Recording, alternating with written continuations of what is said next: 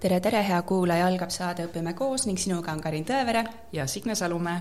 taskuhääling Õpime koos otsustas uurida, kuidas hoitakse eesti keelt ja kultuuri erinevates Euroopa riikides ning kuidas toimivad sealsed eesti koolid integratsiooni sihtasutuse toel asusimegi ringreisile ning saatesarja Õpime koos Euroopas jooksul saame läbi persoonilugude teada igaühe Eesti lugu ning saame aimu, kuidas toimib kohalik elu ja koolisüsteem. Tänane saade jõuab sinuni Prantsusmaa pealinnast Pariisist ning kohvilaua taga saime tuttavaks Riina Kiviga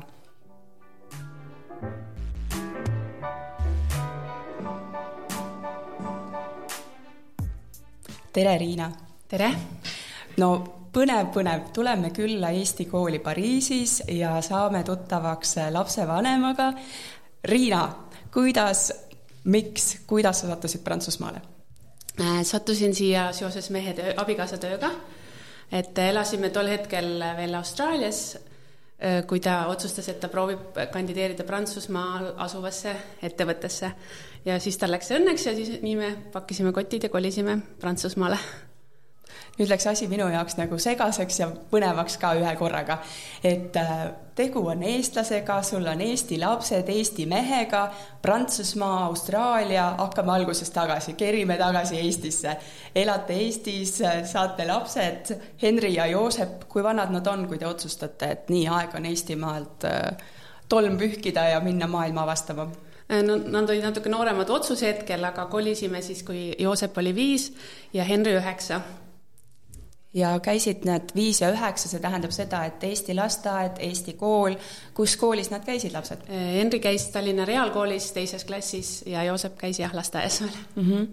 nii et selles mõttes, et täiesti niisugune regu-, noh, rutiinne Eesti perekond, kellel on oma elustiil, otsustab, et lähme Austraaliasse, mis oli käivitajaks? Äh, täpselt, hästi ütlesid, et rutiinne Eesti perekond, et täpselt see rutiin oligi, et lihtsalt nii kõrini oli, et täpselt iga päev ühtemoodi, et eriti mõjutas see hommikuti kell seitse, kuidas lapsed ei tahtnud ärgata ja kooli minna ja kõik oli nii pime, et talv ja sihuke, et siis lihtsalt ja kuna üks tuttav oli Austraalias ja ma lugesin tema blogi, siis lihtsalt põhimõtteliselt tema blogi lugedes otsustasingi, et nii, mina proovin ka okei okay., kas ma võin küsida, et mis tööd te siis äh, tegite, sest enamasti eestlased on ikka nii truud oma töökohale ja ametile, et ega naljalt kohvreid ei pakita? Mina töötasin äh, tol hetkel, issand, ma ei mäletagi nime, nüüd on ta Telia. Eli on siis, tol hetkel oli neli äh, süsteemianalüütik ja abikaasa oli Swedbankis IT-arhitekt.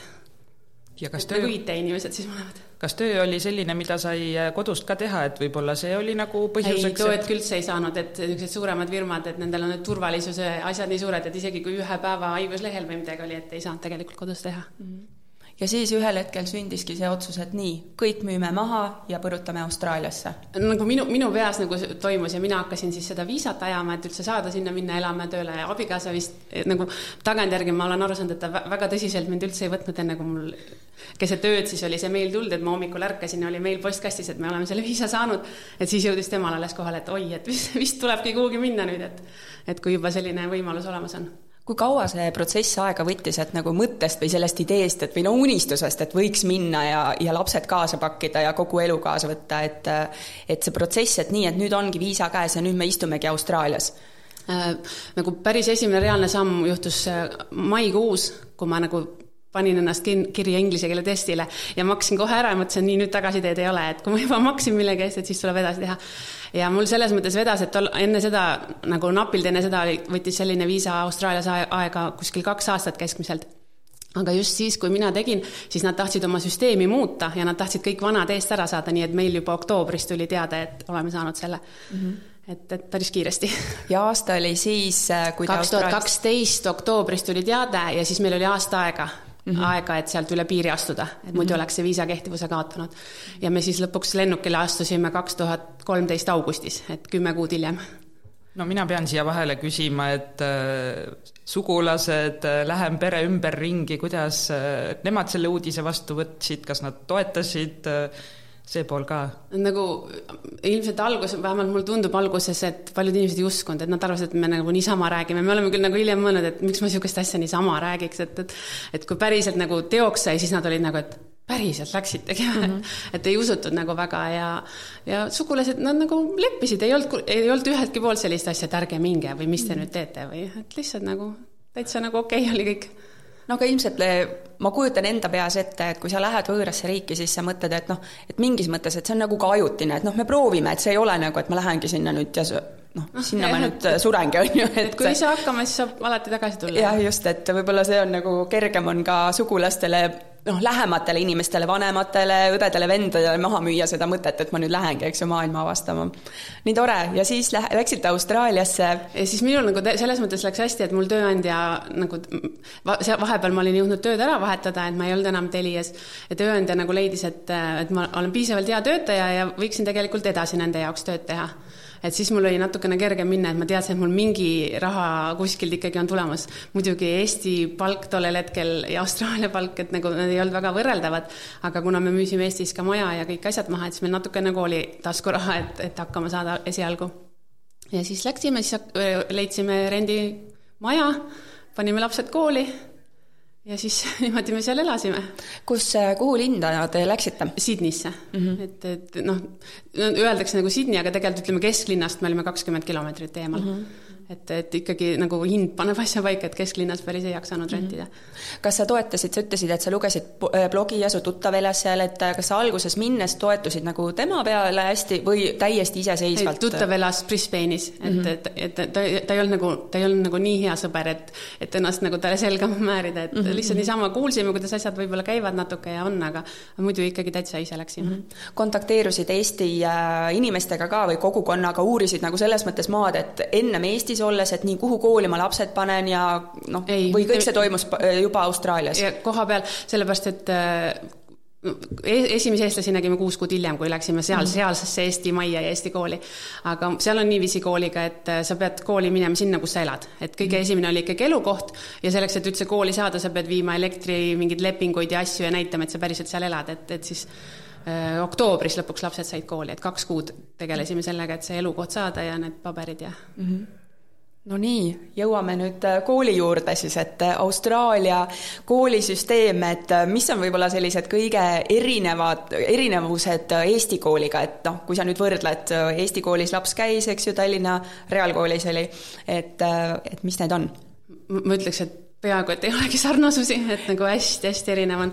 et nii siis... nagu on äh, see öö ja päev ja kevad, sügis, suvi, talv täiesti pea pealt, siis on täiesti teistsugune. jaa no,, et noh, muidugi selle, see on sama, et sa lähed kooli ja seal on mingi hoone ja sa õpid, see on muidugi sarnane, aga aga noh, näiteks seal on niiviisi, et kõik, kõik lapsed käivad, ma tegelikult võib-olla keskkooli osast ei räägiks seal siin, sest et kuna mul lapsed tol hetkel ei olnud keskkoolis, et võib-olla seal on mingeid erinevusi mm -hmm. ja noh, tõenäoliselt on ka eri piirkondades natukene erinev aga meil oli niiviisi, et kõikide laste koolid hakkavad äh, kaheksa kolmkümmend ja lõpevad äh, ma juba hakkan unustama, kas see oli nüüd kell kolm või kolm kolmkümmend, kell kolm mhm. äkki mm. -hmm. ja see mõte on siis selles, et kuna seal lapsed ei tohi, väiksemad lapsed alla kaksteist ja nii ei tohi üksi olla, et siis lapsevanem saab kõik vanuseklassid korraga koolist kätte. et kõikidel lõpeb iga jumal päev täpselt sama kell, et sa ei pea tunniplaani järgi mõtlema, et oi, homme, mis kell ma pean minema või tulema, et kõik on täpselt sama iga päev. ja ja siis seal vahel on paus, kuhu siis söögi paned ise lapsele kaasa, siis nad on alati õues muruplatsi peal, igaüks otsib omale künka, sööb oma sööki. Ja ja siis on muidu tunnid, aga tunnid ei ole ka nii, noh, me mitte kunagi me ei teadnud mingit tunniplaani, ei olnud päevikut, ei olnud õpikuid, ei olnud töövihikuid, vihikuid, et oli üks suur A4 kaustik ja siis vastavalt, mis tund algas, selle nad nurka kirjutasid, et nüüd, nüüd teeme matemaatikat siia, nüüd teeme inglise keelt et lihtsalt järjest lehed läksid, niiviisi kirjutasid. ja, ja kodus äh, väiksemates klassides oli nii, reegel niimoodi, et iga päev pidi viis minutit lugema, alati loed täpselt seda, mida tahad, et üldse üht, mitte kunagi kool ei ütelnud sulle, mis raamatuid sa pead lugema. et viis minutit loed ja kümme sõna iga nädal pidid nad harjutama, et nagu iga nädal viis päeva nädalas kirjutavad läbi kõik need kümme sõna et lihtsalt nagu muudkui niiviisi õppisid uusi sõnu. ja iga nädal oli üks uus teema, mis nad pidid siis reedel klassi ees rääkima paar minutit nagu sellest teemast. ja siis suuremas, kui suurem jõudis seal öö, käia üheksa, Eesti mõistes üheksandas klassis, et siis temal ikka juba natuke oli mingisuguseid kodutöid, et mõni, mingi referaadilaadne asi või ettekanne, aga noh, need võtsid maksimaalselt tund aega päevas. et, et pigem, pigem nagu oli niisugune hästi lihtne, et iga hommik päike paistis, kui kooli mindi ja, ja õhtuti oli siis ja kunagi ei jäänud nädalavahetuseks ja koolivaheajaks õppida Mm -hmm. et seal isegi oli niiviisi, et mõned, mõned lapsevanemad isegi protesteerisid selle tunniajase õppimise vastu, et mis mõttes peab õppima ja et, et, et koolis tehtagu kõik ära, et et niisugune hästi nagu mänguline ja vaba, et last, last mitte stressata mm. -hmm ja muidugi teine pool on see, et hästi, hästi palju Aasia-lasi on ja nemad on vastupidi, et noh, näit-, näit-, näiteks nad la, ei tulnud laupäeval lapse sünnipäevale, sellepärast et on mingisuguses kuuendas või seitsmendas klassis käies kuskil nagu eelülikoolis teevad mingeid lisaaineid, õpivad, et aasialased hästi palju õpivad, nad on natuke teist, teistmoodi mm. -hmm kuidas selle keeleõppega oli, et sa läksid, nad olid, lapsed olid ju väikesed tegelikult, et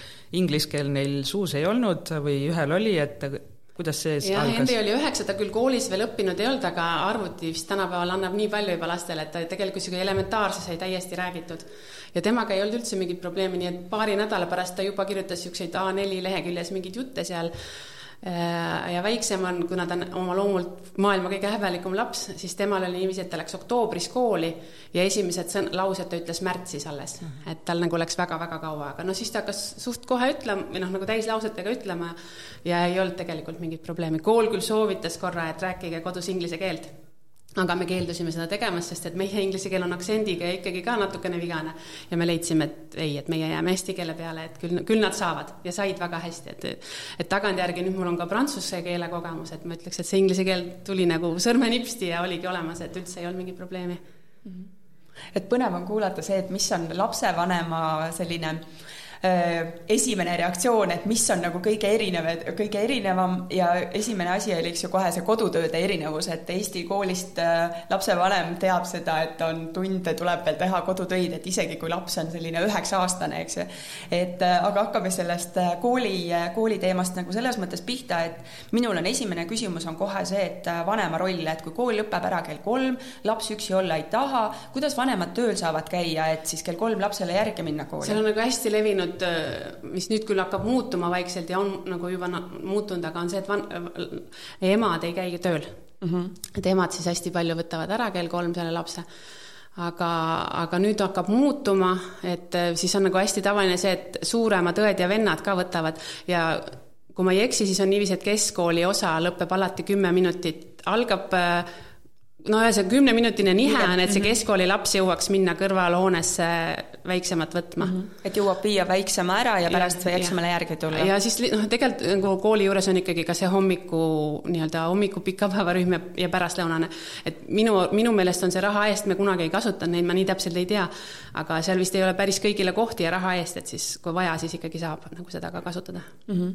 ja siis teine erinevus kohe, meie siin Eestis oleme harjunud, et et on koolisöökla, soe lõuna, mida sa pakkisid näiteks oma lastele toidukarpi siis kaasa? meil me,, meie, me ikka läksime nagu austraallaste teed, et puuviljad ja võileib, et et esimesed korrad mul see viieaastane laps ikka küsis, et kui need indialased ja teised seal laua taga oma karrisid ja asju sõid, ütles, et mida nad söövad, et see lõhn on nii veider ja teistmoodi, et me olime jah, niisugused nagu ing-, inglaste moodi rohkem, et lihtsalt võileib ja, ja niisugused lihtsad asjad, et ei pannud päris suppi ega makarone kaasa et lihtsalt niisuguse snäki peal.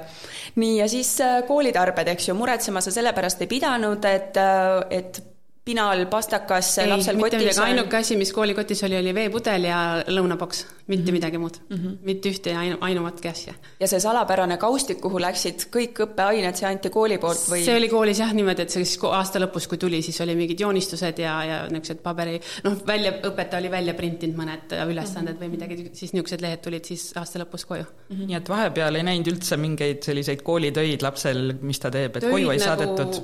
ma ei mäleta küll, et oleks või oli mm -hmm. poole poole aasta pealt, ma juba hakanud, ma ei ole kindel, äkki poole aasta pealt ikka ka tuli midagi, kui igatahes tunnistus tuli nagu pool, iga poole aasta tagant. Mm. -hmm aga see lehed jäidki sinna kaustikusse selles mõttes pidama või need rebiti välja, pandi kuskile ei, ainult see üks kaustik oli. Mm, -hmm. lihtsalt see oligi, see oli pigem ikka vähe kirjutati sinna, et seal mingeid nagu lehtede viisi mingeid asju ei olnud no nii, aga tüüpiline Eesti õpetaja kuulab, oota, mis mõttes, et äh, meil on matemaatikatund, meil on, ütleme, eesti keel, inglise keel, kehaline muusika, on ju, et oli see kaustik siis ruuduline, jooneline, täpiline või valge? ma arvan, et Austraalias isegi ei leia poest ruudulist kaustikut ma ei ole vähemalt mitte iial näinud ja kuulnud sellest, et ikka lihtsalt jooneline ja kõik läks sinna sisse ja mm -hmm. nii oli väga lahe.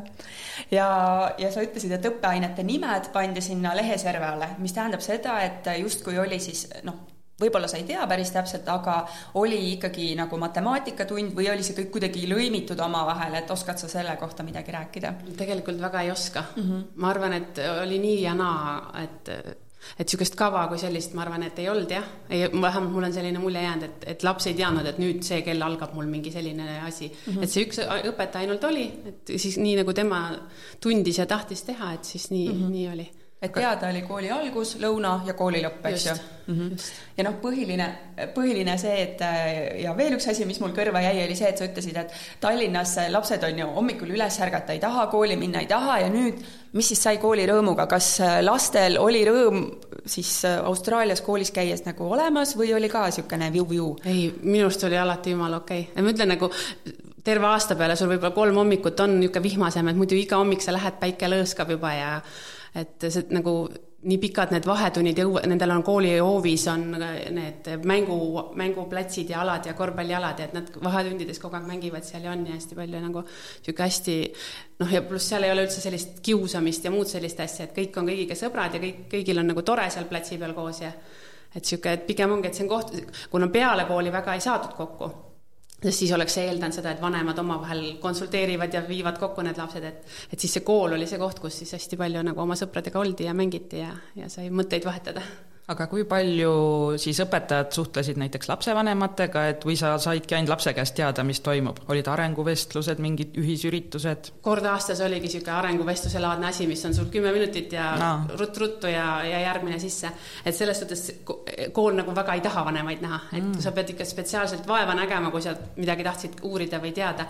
pluss nendel on selline asi, et nad väga ei taha öelda halbu asju, et, et kui sul on nagu halvasti, siis sa võib-olla lõpuks sealt tunnistuse pealt näed, et õpetaja sulle nagu ei tule sulle enne ütlema, et kui oleks veel võimalus parandada, et sa saad paberi ja siis näed, oi, et vist ei olnud väga hästi see semester mõne asjaga et seda jah, ei taheta väga, nad on nagu selline, nende kultuur nagu, et sa ei saa mm. halvasti midagi öelda. no aga see tingibki seda, et peab väga hea suhe olema enda lapsega, on ju, et ta on, jagab sinuga, kui midagi on, et sa saad mm -hmm. nii-öelda ennem sekkuda, mitte ei loe sealt tunnistuse pealt, et midagi on pahasti. aga noh, nagu nende kultuur on ka nagu võib-olla teine, et et näiteks siin Prantsusmaal on niiviisi, et kui ma olen aru saanud, et kui laps ei oska, siis tal ikkagi tõmmatakse punased jutid alla ja suured küsimärgid kõrvale, aga, aga seal on ikkagi niimoodi, et isegi kui noh, lapsevanem, sa saad aru, et tegelikult ei ole nagu head ja on ikka ikkagi pandud see tempel, et, et job ja, ja nagu ja siis nad said niisuguseid väikseid pabereid kogu aeg nagu diplomilaadseid asju iganädalaselt, et et isegi kui midagi erilist ei tee, sa ikka saad neid kogu aeg, et niisugune hullult kiitmine kogu aeg nagu. Mm. -hmm et pigem on selle präänikuga see nii-öelda motivatsiooni ja õppeedukuse tõstmine ja see hinnang, okei. Okay.. no nii, aga sa ütlesid, et äh, hinded tulevad, et äh, hinded äh, olid siis trimestris, kui tihedalt need koolis lapsed hindeid ei saanud, ma sain aru. mingisuguseid kontrolltöid või tunnikontrolle, niisuguseid asju mitte kunagi ma ei näinud mm. -hmm. et tuligi siis äh, kaks korda aastas selline tunnistuselaadne asi, kus oli siis nagu viis sõna, kokku sai noh, siis võib öelda, et viie palli, aga samas ta ei ole nagu selles mõttes viie palli, et see keskmine sõna, mis inglise keeles oli sound mm, -hmm. et, mhm. et see tähendas seda, et laps oskab kõike, mida ta nagu võiks osata oma klassis. ja siis oli niiviisi, et äh, miks nagu kahte järgmist ei saanud panna tihti, oli see, et koolid nad ei tea, kas nad saavad seda järgmist panna, kuna nad isegi ei hinda seda. et nad vaatasid, et oli piisav, järelikult on sound, et nad ei, nagu ei mõelnud, et äkki tal tegelikult oli eriti tubli, sest et kuna nad nagu ei, noh, nad ei saanud hinnata seda, siis nad ei pannud mitte kunagi rohkem kui sound mm. -hmm. et esimese hooga me ka nagu ehmatasime, et nagu meie mõistes nagu kolmed siis või mm. -hmm. aga siis nagu saime aru, et tegelikult nad ei ole kolmed, et see lihtsalt on nii teistmoodi süsteem. ja see mm -hmm. tähendab, et noh, ongi, et on okei okay on kõik, et oskab et seal oli kaks, kaks, iga kahe aasta tagant on nagu meie mõist-, Eesti mõistes tasemetöö mm. -hmm. et siis see nagu andis minu jaoks parema ülevaate, et, et seal ma nägin teda võrreldes teiste Austraalia lastega ja võrreldes tema enda kooliga ja tema enda klassiga, et mis tulemus ta nagu sai kuskil mhm. inglise keeles lugemi-, seal oli nagu inglise keel oli alati lahti, lahku löödud, lugemine, kirjutamine, grammatika. nagu kolm nagu ja siis matemaatika osa ja et siis see nagu andis parema ülevaate natukene, kus, kus nad päriselt on omadega mm. -hmm. aga tundsid sa vanemana sellest nagu puudust, et noh, et kui Eestis me läheme ka sellelt üle, et äh, hindeid võib-olla nii palju enam ei panna ja noh, ja samas need, kes protestivad nagu selle vastu, nagu nende uuenduste vastu, ütlevad, et lapsevanemad tahavad hindeid saada ja noh, kuidas nad muidu teada saavad, kuidas lapsel koolis läheb, et et kuidas sul oli, et kas sa tundsid, et nüüd, et et issand jumal, et nüüd ma ei tea, mis mu, kuidas mu lapsel läheb koolis, et oli see nagu raske sinu jaoks nagu, et noh, laps tuleb ilma hinnanguta ja hindeid saan kahe aasta tagant saan võib-olla teada, kuidas ta teistega võrreldes on? noh, natukene võib-olla oli küll, et ikka oli niisugust tunnet, et kuidas ei ole ühtegi tööd ja kuidas, ja just see, kui just midagi halvemat hiljem välja tuli, siis oli nagu selline kibedus, et noh, miks nagu varem ei võinud siis mhm, rääkida, on ju mhm aga laias laastus täna ma leian, et tegelikult väga hea nagu, et, et ma olen kuulnud Eestis nüüd reisid nagu külas käies, et, et käiakse neljasid parandamas ja õpetajad nagu rääkimas eraldi, et ikka see neli ära, siis ma mõtlen nagu, et laias laastus, et see on nagu nii tähtsusetu, et tore, et sa oskad, tore, et sa aru saad, et sa oskad esitleda oma õpitud asju ja, ja mõtteid, et, et minu jaoks ei ole täna enam üldse see tähtis, et on see seal neli või mm -hmm. või viis seina, et peaasi, et mhm. nagu enam-vähem oskab ja aru saab ja maailmast kui sellisest ja mm. -hmm kas oma lastes nägid ka mingit muutust, et äh, see, et see hindepinge kaob võib-olla ära, et noh, üheksa-aastane juba tegelikult äh, on sellises vanuses, kus ta saab aru, et mis see hinde, hindekaal nii-öelda on, et äh, Eestis, eks ju, et kas ma sain viie või kolme, on ju, ja nüüd seal, et mul ei ole seda hin-, hindepinget, ka lapsel ju tegelikult ei olnud, et kas sa nägid mingit muutust nagu selles mõttes lastes? no ka? Eestis ikka jah, selle suurema lapsega ta ikka kõhuli maas nutis, kui ma tema ütleme seal mingisuguse harilikuga kirjutatud ilukirja ära kustutasin, ütlesin, et tee uuesti ja et see, siis kõik see jäi olemata Austraalias, et et õhtul tuli koju, meil oli hea olla, on ju, tegime õhtusööki ja ei olnud mingit sellist kõhuli maas nutmist või tegemist ja aga ma nüüd, nagu nüüd, kus on aastad mööda läinud ja see laps on kasvanud suuremaks, ma ütleks, et lihtsalt see teismeiga, tegelikult tal oli ikkagi endal väga ükskõik. et, et ma ei tea, kas oleks hinded mõjutanud või mitte, aga et ta lihtsalt sai vanemaks ja sai aru, kellele ja milleks ta õpib ja siis see tuli nagu, et ta, et ta hakkas ise, ise tahtma ja ise proovima ja mm -hmm et ma ei teagi, kas ma lapsevanemana nagu oleks suutnud seal, kui ta seal oli kaksteist, et talle selgeks teha, et miks sa pead õppima või et miks, miks on kaks või kolm pahainne või mm, -hmm. et jah vot äh, selle arenguvestluse juurde, et äh, ma nüüd niimoodi hüppan niimoodi, et see mõte töötab mul ka niimoodi põnevalt, et et äh, arenguvestlus, sa ütlesid, et oli selline natuke kiirustades, et umbes kümme minutit, et kas see oli ainult lapsevanem ja õpetaja või laps ka osales selles? Jälle ma ei mäleta, ma nagu, ma, ma tean, et mul abikaasa käis ja minu arust ikka ta käis üksi mm. -hmm. et võib-olla seal on jälle see, et ega lapse ees nad ei taha ka öelda midagi, et nad ikka nii hoiavad vati sees, et et, et, et laps ei tohigi kuulda, kui õpetajal midagi on halba öelda võib-olla mm. -hmm aga sa ütlesid, et ega halba väga ei öelda ka, et nagu see tuleb nagu kuidagi tagantjärgi selle hinnete lehe pealt välja rohkem jah, ma jään, jään vastuse võlgu, kuna ma ei ole ise kunagi nendel käinud mm, -hmm. ma olen niisugune mhm. hästi arglik, ma ütlesin alati abikaasale, et ma tõesti nagu kardan minna, sest ma kardan, mis sealt jälle tuleb et ma olen niisugune, pisar hakkab kohe jooksma, et ma ei taha, ma ei taha teada seda, et mm -hmm. et siis abikaasa käis, et mul on nagu niisugune natukene vähe mälu selle kohta, et mis uh, -huh. mismoodi see täpselt seal oli aga mis sai pärast kooli selles mõttes, et äh, kell kolm said tunnid läbi, äh, ma saan aru, et olid niisugused traditsioonilised tunnid, kehalist kasvatust kui sellist ei olnud, et see oli siis seal selle eh, kehaline oli niisugune huvitav asi, et Nii. Austraalias on ju koolivorm, et kõik lapsed mm -hmm. käivad koolivormiga. Ja siis spordivorm on eraldi. Ja siis igal klassil, minu lastel sattus tollel ajal, tolle, need aastad alati olema reedeti, et reedepäev on spordipäev, siis see tähendab seda, et sellel päeval minnakse spordikooli vorm, spordivormiga kooli. Ja sellel päeval on lihtsalt lihtsalt äh, rohkem muude tundide vahel tihti nad läksid nagu kõrval asuvasse parki, on siis teatevõistlused äh, või siis need Austraalia ma ei tea, see ei ole mitte jalgpall, aga midagi nad seal mängivad, see nende rahvus, niisugune suur pallimäng, et neid mänge lihtsalt mängivad, mitte kunagi nad ei teinud kaugushüpet või kõrgushüpet või sada kätekõverdust, niisuguseid asju kunagi ei olnud, et see oligi lihtsalt nagu pallimängud või jooksumängud mm, -hmm. et äh, tihti see, kuna koolil endal on nagu ei ole sellist varustust, siis selle, sellel päeval tuli eraldi ettevõte mikrobussiga sinna staadionile ja siis tegi need nii-öelda teatevõistluste rajad ja atraktsioonid neile sinna pani püsti selleks paariks tunniks. siis nad tegid neid ja see asutus läks ära ja oligi see kehaline siis tehtud mm. -hmm et äh, lapsed peale kooli, kas neil olid huviringid ka või tegevused? Austraalias on niimoodi, et äh, kool ei paku ühtegi huviringi, et sa pead need kõik kuskilt nagu eraldi asutustest äh, nagu siis ostma ja tegema. ja, ja me panime neid erinevatesse pallimängudesse, aga kuidagi nagu Need, need, need, nad ei ole üldse sellised tiimisportlased, et nad ei mõistnud seda eufooriat, mis on austraallastel oma nende pallimängude üle ja et ja noh, ujumas lihtsalt siis käisime, et Austraalias on see nii elementaarne, et sa pead õppima ujuma, et, et siis ujumistrennis käisid mm. -hmm. et aga muud jah, ei ole olnud. ja millal tuli see mm, Eesti kool siis sinna juurde, et et sa ütlesid, et Austraalias ka hakkasid käima, et kas oli kohe või mõnda, mõne aasta Augustis pärast? kolisime ja siis äkki veebruaris, mul on niisugune mälu, et võtsime julguse kokku ja läksime siis esimest korda sinna uh -huh. tundi, et äh, seal oli nagu hästi korralik tollel hetkel, see hästi põhjalikult tehti ja palju tehti, et, et palju sellises vanuses lapsi oli et äh, see oli kord kuus äkki pühapäeviti. aga mis see võib-olla selline sinu jaoks see eesmärk sellel oli, oli see siis keeleõpe ikkagi, oli see äh, lihtsalt suhtlemine? tegelikult ikka kontaktid jah, et mm. suhelda ja kontakte saada ja et oma, oma inimesi nii-öelda tundma saada, et ikkagi võõral maal kuidagi on see, et me oleme nagu hästi palju sellest mõelnud, et, et kui oled Eestis, siis sa ikkagi valid sõpru nagu, kes on sinu kuidagi huvidega ja kuidagi kattub, aga seal sa lihtsalt võtad kõik, mis sul võtta on ja et isegi kui võib-olla ei ole nii head kontakti, et ikkagi eestlased ja siis ikka tundub, et pead suhtlema ja suhtledki kas see oli lastel ka samamoodi või see oli nagu teil täiskasvanutena? see vist oli pigem lastele, kui meie küll tulime, olime nagu värsked ja meie lapsed rääkisid vabalt eesti keelt, siis nagu paljud sealsed lapsed tegelikult ei tahtnud seal käia, neile tundus see nagu tülikas, nad, nad ei saanud aru, mis seal toimub. et, et see ikka vist rohkem oli vanematele et minu kogemus ütleb, et kui ema ja isa mõlemad ei ole eestlased, siis on väga väike võimalus, et need lapsed jäävad eesti keelt rääkima, et seal nagu järjest lihtsalt nagu emad ise ka andsid lõpuks alla. et kui nad olid lapsele juba kolm korda korranud midagi eesti keeles ja laps ütleb ikka mida, siis nad ütlesid inglise keeles ja iga päevaga aina rohkem ja rohkem, kuni lõpuks oligi nii, et ainult inglise keel oli ja kas teil siis see teadlik otsus, et kodus on ainult eesti keel, ongi võib-olla siis noh, aga ma ei aitas... oska ka inglise keelt nii hästi ja nii puhtalt et ma ei tule nagu selle mõtte pealegi, et hakata oma lastega mingis muus keeles rääkima. aga hoolimata sellest, see laps, kes sündis Austraalias ta läks kaheaastaselt lasteaeda ja natukene hiljem, ütleme kaks ja pool, ta vastas üheksakümmend protsenti inglise keeles asjades. mina rääkisin eesti keeles ja ta lihtsalt vastas inglise keeles mulle vastu. ja siis selle peale ma tulin, kuna ma töötasin kaugtööna Eesti firmasse, mul oli võimalus tulla siia Eestisse tööle suvel, ma tulin kaheks kuuks Eestisse ja panin ta lasteaeda.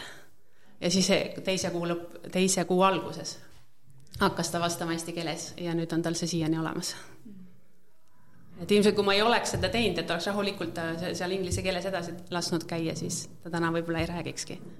aga mis keeled nüüd veel lastel suus on siis? ma ei tea, ma ei julge öelda suus, kuigi ma olen ka ise halb hindaja, sest mina prantsuse keelt ei räägi, et ma ei oska öelda, kui hästi või halvasti, aga no nad käivad prantsuse koolis esimene aasta, õppeaasta läks halvasti, sest et meil läks nii kaua paberimajandusega aega. me kolisime siia novembris, nad said lõpuks veebruaris kooli, veebruari lõpus ja siis kohe märtsi keskel pandi koolid kinni, sest tuli koroona. nii et esimene õppeaasta tegelikult läks, jäi neil nii-öelda vahele. ja siis nad nüüd siis on terve ühe õppeaasta käinud ja nüüd pool, poolteist aastat on käinud kõik lapsed, kõikidel oli täiesti null prantsuse keel, kui nad läksid. ja noh, kõige tublim on see kuueaastane muidugi, sest et ta on nii julge, ta räägib, tal on ükskõik oma vigadest, et, et tema nagu ikkagi igapäevaselt ma kuulen, et ta räägib teistega ja, ja suurem poiss on lihtsalt, kuna ta on äh, noh, nii suur juba, ta saab aru, miks tal seda vaja on, ta püüab ise ja ta ei ole arglik, et siis tema nagu ka kuidagi saab hakkama, muidugi raske on, kui ta peab prantsuse keeles Eesti mõistes kirjandeid kirjutama, et loomulikult ta ei võistle nende teistega seal oma klassis, aga, aga ei ole ka väga hullu midagi. aga see keskmine laps, kes on hästi vaikne, et tema saab aru, aga kuna ta põhimõtteliselt ei ole mitut lausetki öelnud prantsuse keeles, siis tal see rääkimise keel on nagu väga nõrk täna ikka veel mm. No ma, ma vahele ma ütlen siin nende laste vanused, et keskmine laps Joosep on neliteist ja Henri saab kohe kaheksateist, et, et vanused on siis ka vastavad, et et teismelise iga on nagunii keeruline.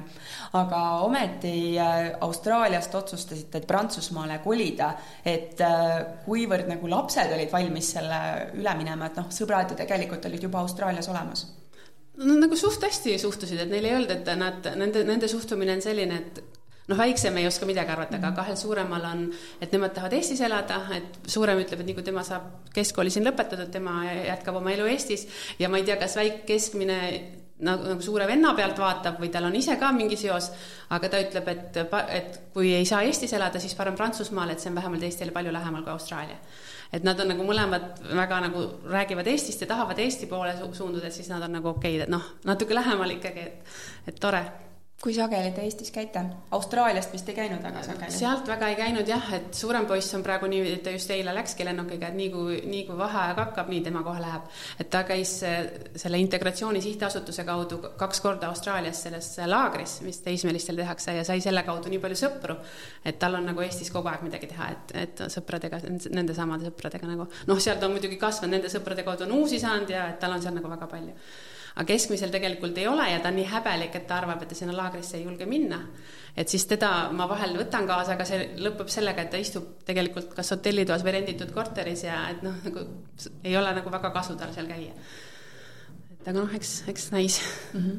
ja veel Austraalia juurde tagasi minnes, et Eesti kogukonnad, et kas ühisüritusi korraldatakse, kas seal hoitakse nagu nii-öelda su-, täiskasvanutele inimestele pakutakse ka mingisugust nii-öelda Eesti seltsi kaudu mingit tegevust? jaa, Austraalias on, aga seal on nagu huvitav, et seal on muutunud, et on selline see põlvkond, kes viiekümnendatel läks, nende, nemad on nagu hästi-hästi eestimeelsed alati olnud, hästi palju üritusi korraldanud, nad räägivad täiesti puhasselget eesti keelt, et ei ole aktsente juurde tulnud mitte midagi ja siis on äh, vahepeal on nagu suur tühi auk ja siis on äh, need seljakotirendurid, kelle huvid on natukene teistsugused, et rohkem niisugused peod ja muu selline. ja siis on see väike kogukond, kellel on siis need lapsed ja aga tihti nendel on nagu teine pool on seal kohalik inimene või aasialane või midagi, et siis nende huvi ei ole nii suur enam nendel Eesti üritustel käia. et selles mõttes ma nagu näen, et ta natuke nagu on kustumas, et need laulukoorid ja tantsu, tantsutunnid ja et see seda jääb järjest vähemaks ja vähemaks, et, et nagu see ka Eesti, Eesti lastekool, kui meie läksime, oli nagu hästi aktiivne, hästi palju lapsi tuli kohale, aga nüüd siis sellel ajal, kui me ära tulime, lapsed juba olid suured, siis oli ta nagu hästi väheseks jäänud. et, et tegelikult nagu vaikselt vajub ära aga kuidas sulle tundub, et äh, noh, sul on suuremad lapsed, ongi nagu selles teismeeas, et äh, ilmselt teismeeas ongi väga raske tuua lapsi Eesti kooli, panna neid ja hoida nagu selles mõttes laulukooris, tantsukooris, et et kuidas saaks äh, teismelistel seda Eesti huvi ja seotust nagu kuidagi lõkkele lüüa, et ma ei tea, ma ei, jah, ei teagi, et no ütleme, et kui laulmine või tants ei huvita, et ega vist ei saa väga suruda, aga ma ütleks, et oma selle suurema lapse pealt ma ütleks, et see laager oli nagu täiesti nagu õlekõrs, et et ilma selle laagrita ta, ta ei oleks sattunud sinna, ta ei, ta, ta, ta ei oleks täna tõenäoliselt väga mälestusigi enam Eestist, et, et ilmselt aitabki rohkem see Eestiga mingi konkreetse seose leidmine, et ta saab aru, mis see Eesti on, millised need inimesed seal on ja noh, keel muidugi, et noh, keel meil pole probleemiks olnud, väiksemal korra oli, aga ka enam pole olnud, et aga et minul isiklikult on kahju vaadata neid, et kus emad nagu löövad käega. Mm, -hmm. et nad ütlevad, mis nad, mis ta selle eesti keelega ikka teeb, aga minu, minu, mina mõtlen, et et isegi kui ta seda mitte kunagi nagu töölis-, töö, tööelus või kuskil ei kasuta, siis tema ajus on ikkagi see olemas ja igal juhul on kasulik nagu mitut keelt ja oma kultuuri nagu teada olen nagu väga selle poolt, et peaks hoid-, proovida hoida seda keele poolt. no ikka. kuidas sul endal on, et äh, praegu täna sa elad Prantsusmaal, et äh, ennem seda mitu-mitu aastat Austraalias, et mis keeles sa mõtled?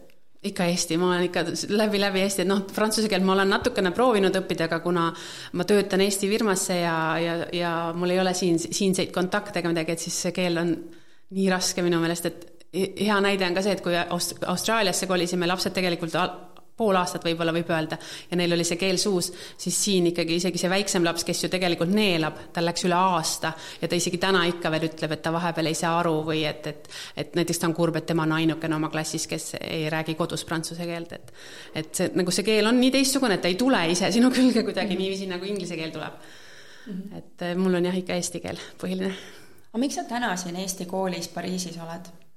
no ka, ka ilmselt ikkagi pigem see suhtlus ise, mitte nii, nii väga palju see eesti keele pool lastele, kuigi mul on eile just see kuueaastane kirjutas mulle kolm lauset eesti keeles, kus oli nagu minimaalselt vigu ja ma olin nagu täiesti nagu oh, kui äge, et siis ma mõtlen ka, et nagu siin on nii tore, et keegi teine õpetab talle ja tegeleb ja et ikkagi nagu ma ei, ma ei, ma ei tea ühtegi põhjust, miks ma ei peaks siia tulema, kui selline võimalus on olemas ma küsin veel selle küsimuse, et äh, Austraalia inimesed, et kui sa Eestis, äh, Eestist rääkisid ja ütlesid, et sa oled Eestist, et kuidas sa tutvustasid Eestit, rääkisid Eestist sealsetele kohalikele inimestele? Nad, nad üldiselt ei tea, et hästi saab aru, et, et sa ütled ära, et Eestist, ahah kõik, et noh, siis sa saad aru, et nad, nad üldse ei jaga. aga kõige huvitavam oli see, et äh, kui ma ootasin äh, väiksemat last ja läksin ultrahelisse, siis seal noh, see on nagu, see on nagu täiesti elementaarne, et kõik inimesed küsivad kohe järgmiseks, et kus sa oled, sest seal on nii nagu segu rahvastest. ja siis ma ütlesin Eestist ja siis see naisterahvas ütles, oi, et minu ema oli Kuressaarest. et tema eesti keelt ei rääkinud ega midagi, aga et niisugune hästi huvitav kokkusattumus, et, et et kui tavaliselt keegi isegi ei tea, mis on Eesti, siis sattusin eestlase järeltulija otsa et ega väga ei tutvustagi, et põhiline, mis ma siis ütlen, et Soome kõrval ja et niisugune Põhjamaa, et tal, talvel on külm ja et niisugused põhilaused, et ega et nad on nagu selles mõttes ikkagi pealiskaudsed, et nad küsivad ära, naeratavad ja kui nad ei tea, millest sa räägid, et siis kuidas siin Prantsusmaal on, noh, siin ma eeldan, et ikka teatakse, on ju, et äh, kus Eesti kuna on. kuna prantslased ei räägi väga inglise keelt ja mina ei räägi prantsuse keelt, siis ma ei olegi väga sattunud prantslastega sellest nagu suhtlema mis edasi saab, mis teie tulevikuplaanid on, et kas Prantsusmaa on see, kus, kus te nüüd oma juured nii-öelda laiali lööte või äkki satute veel Euroopa riikidesse või näete ennast kunagi tagasi Eestisse tulemas?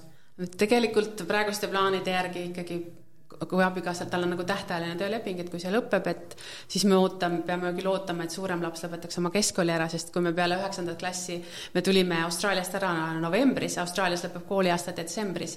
Ja ta ei saanud üheksanda klassi tunnistust selle tõttu ja me juba põrkusime Eestis nii tugevalt selle vastu, et tegelikult ei saagi kümnendasse klassi minna, sest et see kuu aega jäi kuskil üheksandast klassist puudu. et siis me ei hakka seda proovima, mis juhtub, kui kaheteistkümnenda klassi keskel hakata riiki vahetama, et me laseme temal siin ära lõpetada selle keskkooli ja siis tegelikult on plaan ikkagi Austraaliasse tagasi minna, et meil on tänaseks Austraalia kodakondsus ja see tundub ikkagi, et mul ei tundu mõttekas lapsi veel traumeerida, et ma nad nüüd Eesti kooli viin, et ma arvan, et nad nagu, kui nad selle prantsuse kooliga enam-vähem on harjunud, mis on nagu nii teistmoodi Austraalia koolist, et nüüd ma siis viin nad sinna eesti keele keskele, mis, mille, mis noh, nad nagu räägivad kodus eesti keelt, aga tegelikult nad ju ei nad ei, nad ei suuda kirjakeelt, nad ei loe neid raamatuid, nad ei tea sellest kultuuri taustast, mõistest, et see oleks nende jaoks jälle nullist õppima alustamine, et seepärast ma arvan, et nende nagu säästmiseks on mul mõistlik nad viia inglisekeelsesse kultuuri tagasi, et mm, -hmm. et see inglise keeles oma haridus kätte saada ja mm. -hmm ja suurem laps, noh, ta ütleb, ta on küll väga kindel olnud kogu aeg, et ta läheb Eestisse ülikooli, aga ta ka viimasel ajal juba natukene kahtleb, et, et eks tema siis, kuna ta on täisealine, saab ise otsustada, mis ta siis teeb. aga no ma ikka küsin selle ka, et, et Eesti kogemust küsisin versus Austraalia kool ja nüüd see, et Prantsusmaa kool, et kuivõrd erinev on siis need kolm kooli nüüd kaalukausile panna, et, et mis on need erinevused, mis sulle väga meeldib igas riigis näiteks? Oi, raske no pra-, sa ütlesid, et Prantsuse kool on väga teistmoodi. jah, Prantsuse koolis ma sain, minu kõige suurem šokk on vist see, et kuidas neil on lihtsalt nii ükskõik. et, et mul see näiteks see keskmine laps just, et tal, nendel on ükskõik, et ta ei saa aru, nendel on ükskõik, et ta ei saanud aru, mis ta peab kodus tegema, ta, nad ei tule tema juurde eraldi, et, et kas sa said aru või et kas ma räägin sulle üle või, ja kuna minu laps on selline, et ta ei küsi, siis ta lihtsalt istubki seal ja saabki nulli, ütleme. punane joon alla ja, ja küsimärk kõrvale. just, et, et see mul on nagu, ma nagu ühest küljest mõistan, et noh, mõtlevadki, et välismaalane, mis meil sellest on ju, et, et vaadaku vanemad ise, mis teevad. aga teisest küljest ma olen nagu hästi pettunud, et, et miks te ei või natukene pingutada, et last aidata et mm -hmm. noh, niisugune kahe otsaga jah, et, et ma ei saa otseselt näpuga näidata, sest ise ma ta ju siia tõin mm. -hmm. et pean ise hakkama saama. et see on nagu kõige suurem šokk ja siis, aga muus osas ma arvan, et ma oleksin ehmunud, kui mul ei oleks endal Eesti kooli kogemust. aga kuna ma tean, kuidas Eestis asjad käivad ja siin ei ole väga erinev, siis see ei ole nii suur erinevus, aga oleks ma ainult Austraalia kogemuse pealt tulnud, siis ma oleks ikka küll vist täiesti šokis, et mm, -hmm. et nii palju õppida, nii palju sellist nagu negatiivsust või kuidagi nagu just nagu, et noh, nagu et ei, laps, lapsele ei öelda, et oh, sa oled ikkagi nii tubli ja et, et püüa või midagi, et lajatatakse käre, et ah oh,, sa oled ikka nii loll ja mm -hmm. et, et nagu see mulle ei meeldi mm. -hmm aga kuidas lapsed nagu selles mõttes näed sa nagu nendest sellist rõõmuga kooli minemine on ikka ja tullakse võib-olla kurvalt tagasi või on ikka selline, nüüd on nagu ei, rõõmu ikka ei ole, ei taha ei ikka minna, et mm -hmm. ikka eriti suurem, kes ta saab juba aru nagu mingitest mõttetutest reeglitest, et tegelikult on ka Prantsusmaal nii, et iga laps peaks käima oma kooli juures, aga kui meie tulime, siis kahjuks või õnneks meie kodukool on natuke populaarsem ja sinna nagu ja siin keskkooli osas tehakse mingid katsete, need vist ei ole katsed, vaid kuidagi üheksanda klassi klassi paberite pealt või kuidagi, aga kuna meil neid ei olnud, see oli täpselt see koroona aasta, kus ta täpselt kolm nädalat üheksandas klassis siin käis, siis tal ei olnud midagi ette näidata ja seetõttu tema muidugi sinna kooli ei saanud, meie kodu, enda kodukooli. ja ta pandi siis lihtsalt sinna, kus veel vabu kohti oli. ja selle tõttu ta peab bussiga käima. aga kui ta hilineb isegi kaks minutit, siis kooli värav on kinni ja sinna tundi ta enam ei saa. aga nagu seitsmeteistaastasena sa mõtled nagu, et noh, miks peab niimoodi karistama, et ma ju tegelikult tulin, ma olen siin värava taga, et, et buss hilines, no mis ma siis nüüd teen, on ju et sellised nagu totrad reeglid on, et või näiteks mina ei saa sellest aru, et kui keskmine laps käib ise koolis, ise tuleb, ise läheb, aga kui ta keset koolipäeva ennast halvasti tunneb, siis teda üksi koju ei lasta, et siis pean mina või isa minema sinna kooli juurde järgi, et sellised asjad on nagu nii frustreerivad, et mis reeglid need on sellised. Mm. -hmm no sa rääkisid väga õhinaga Austraalia koolist, et sealt vist on kõik see positiivne, mis mis teeb selle eriliseks. seal on nagu hästi jah, noh, ainuke, mida ma tõesti võib-olla ütleks, et on see, et kui kool ei ütle sulle, et midagi on halvasti, et tulge ja öelge otse, et, et mitte nagu, et arvate, arvate, et teete mulle nii palju halba, kui ütlete, et, et see, seda ma tahaks muuta, aga muidu see just, et kui mänguline see on, kui rõõmsameelne, kui soe ja ilus see kogu aeg on nagu, et, et see mulle väga meeldib ja mulle meeldib ka see koolivormi asi seal ja see, meeldib see, et lastel ei ole mobiiltelefone ega mitte midagi, et mingit sellist võrdlust kellegi vahel mitte iial ei käi et noh, näiteks mul teismeline, see suurem poiss, kes oli siia tulles siis viisteist, ta oli algselt šokeeritud, kui ta kuulis, kuidas tema klassivennad räägivad tüdrukutest. et nagu niisuguse seksuaalse alatooniga, et Austraalias elu sees keegi ei tohi mitte midagi sellist öelda ega teha ja rassism ja kõik on nagu nii alla surutud, et, et kõik peavad olema sõbralikud ja ei tohi nagu. kas midagi on nüüd äh, Eesti koolist, mida sa veel meenutades mõtled, et vot see on siin Eesti koolis oli hea, et oleks hea, kui seda natuke oleks ka Austraalias Prantsusmaal? Prantsusmaal, jah noh, ma ei tea, mulle ei meeldi see päheõppimine, mis Eestis oli, et sa pead aastaarve täpselt peast teadma, sest minu arust tänapäeval peaasi, kui sa oskad need leida, peaasi, kui sa oskad neid tõlgendada, nendest aru saada. et mulle ei meeldinud see päheõppimine, aga samas vahel ma küll mõtlesin, et äkki seal Austraalias on ikka liiga vähe seda, et nagu liiga-liiga vähe jäetakse kodus õppida, et, et võib-olla mingi ajutreeningu jaoks kas või midagi pähe ikkagi vahepeal õppida ja et võib-olla natuke võiks olla, et. ja oleks selline kuldne kesktee või tasakaal on ju, et. jah, et säiliks kooli rõõm, aga et natuke ikka treeniks võib-olla. sest näiteks Austraalias isegi mindi nagu nii kaugele, et isegi laulu, kui nad midagi laulsid, mitte kunagi lapsed ei laulnud peast, vaid pandi seesama laul nagu maki peal ka üürgama ja siis pääsesid suu liigutamisega nagu ära mm. -hmm aitäh, Riina, et sa olid niimoodi eksprompt meie külaliseks tulema ja olid meie esimene külaline meie täiesti uue tehnikaga ka, et äh, meie õppisime täna koos äh, tehnikat kasutama, saime teada Austraalia kohta, saime teada Riina kohta ja saime teada, et äh, on tulihingelisi eestlasi, kes hoiavad nui neljaks eesti keelt ja eesti kultuuri elus. aitäh sulle, Riina! aitäh! kui sinagi said koos meiega täna uusi mõtteid ja inspiratsiooni, siis anna taskuhäälingule hoogu juurde. Likei, kommenteeri ja jaga meie saateid sotsiaalmeedias. õpime koos